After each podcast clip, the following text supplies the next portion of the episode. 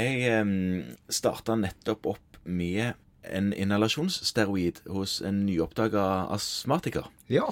Og så på resept hadde jeg litt dårlig tid, eh, for jeg hadde gjort en Spiro og fått tolka tatt pasienten inn igjen, og hadde brukt opp all tiden min liksom på Spiro og vise kurver og sånt. Mm.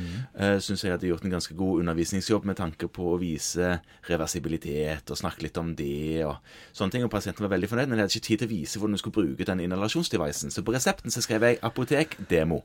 Ja. Uh, og da tenkte jeg at uh, det ble gjort på apoteket, og apoteket får vel noen penger for det i tillegg, så alle gleder seg. Dette blir bra. Kan jeg stole på dette? Det korte svaret er nei, og det er jo litt dumt. Men for så vidt bra det du har gjort, det er det. Du er jo inne på noe her, fordi apoteket får en takst for å lære pasienter opp i bruk av en inhalasjonsdevice, eller sjekke hvordan de bruker det. Ja, sant, De får penger for det? Det får de penger for. Ja. Så, så det gjør de. Tror du vi hadde gjort mer av det hvis vi hadde fått de pengene? Det som tror jeg nok, men det er kanskje ikke hovedpoenget. Nei. Hovedpoenget er at kvalitetssikringen av dette er ikke kjempegod. Bruken av inhalasjonsdevicene?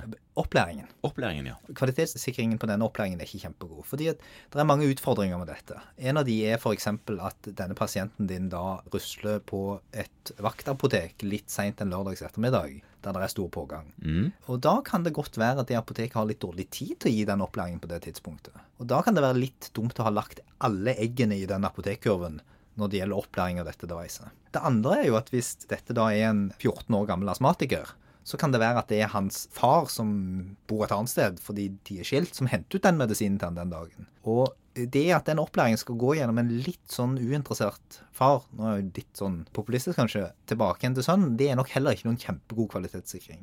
Nei. Altså har vi et problem med de som da ikke dukker opp på apoteket selv. For det vi vet er at over 70% bruker disse devicene dårligere enn de burde. 70% 70% Litt sånn populistisk har jeg ofte sagt at vi har en sånn 50-regel. 50% tar det ikke i det hele tatt, og 50% av de som tar det, tar det for dårlig til at de faktisk får det i seg. Og det blir jo 75% nesten det samme. Sånn at det er altfor få som tar medisinen riktig, og det er veldig mange av de som tar den, som tar den feil.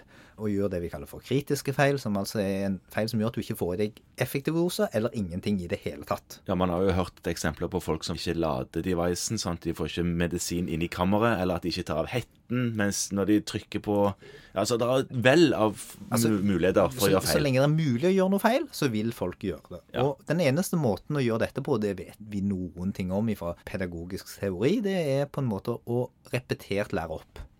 Og Derfor så syns jeg at selv om du har gjort en kjempegod jobb, så bør du etterstrebe å sette av tid til å faktisk gå gjennom bruken. For da har du gjort en grunnopplæring med pasienten. Mm. Og så ser vi at det har en kjempegod effekt hvis apoteket da gjør en ny veiledning på det samme devicet på apoteket.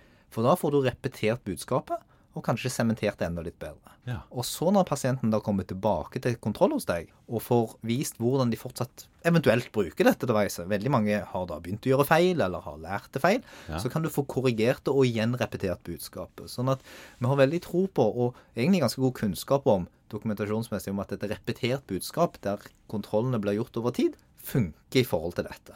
Sånn at det å bare lene seg på apoteket i dette tilfellet er veldig uheldig.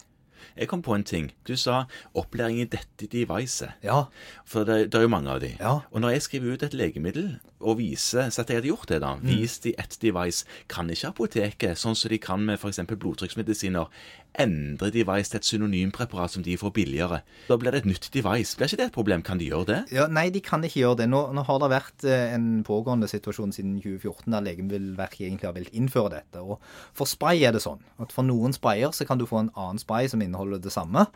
Nå er sprayer noe enklere å håndtere. Ja, for spray er spray. Til en viss grad så Spray, og vi har Respimat, og vi på- har pulver, tørrpulver ja, og og. Problemet med disse tørrpulverinhalatorene er jo at de ikke ser like ut. Nei. Og at de har forskjellige ladetrinn og litt forskjellig teknikk. Og risikoen, hvis du spør om et generisk bytte på disse, vil jo være at du får en ny hver gang. For det har du jo hørt om på andre medisiner. Ja, ja. pasientene kanskje har fire forskjellige som det står amlodipin på. Ja. Eh, Men så står det noe annet. Og da, for en stakkars gammel og litt forvirret pasient, så tar man da ingenting. Eller alt. Hvilket i begge tilfeller blir galt. Det er vi også bekymret for. Det andre er at når du har forskjellige ladetrinn som ved et device som er vesentlig, så er det viktig at du på en måte gjør samme rutinen hver gang. Fordi at det bedrer kontroll og teknikk og trygghet.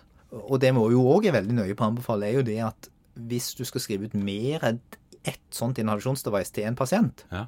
så er det helt vesentlig at de får så like device som mulig for alle medisinene sine. Sånn at ladeprosedyrene og teknikken blir likest mulig. Så her er det et poeng å bruke den devicen som du fikk opplæring i hos legen din, sånn at eh, du er kjent med bruken av det og kan det. Ja, det er kjempeviktig, og det ser vi i forhold til kontrollen.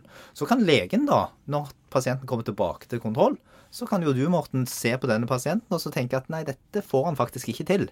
Nå har jeg lært den opp, og så har apoteket prøvd å lære den opp, og så har jeg prøvd å lære den opp en gang til, og kanskje har jeg en astma- eller kolsinteressert medhjelper som også har prøvd å lære opp stakkaren.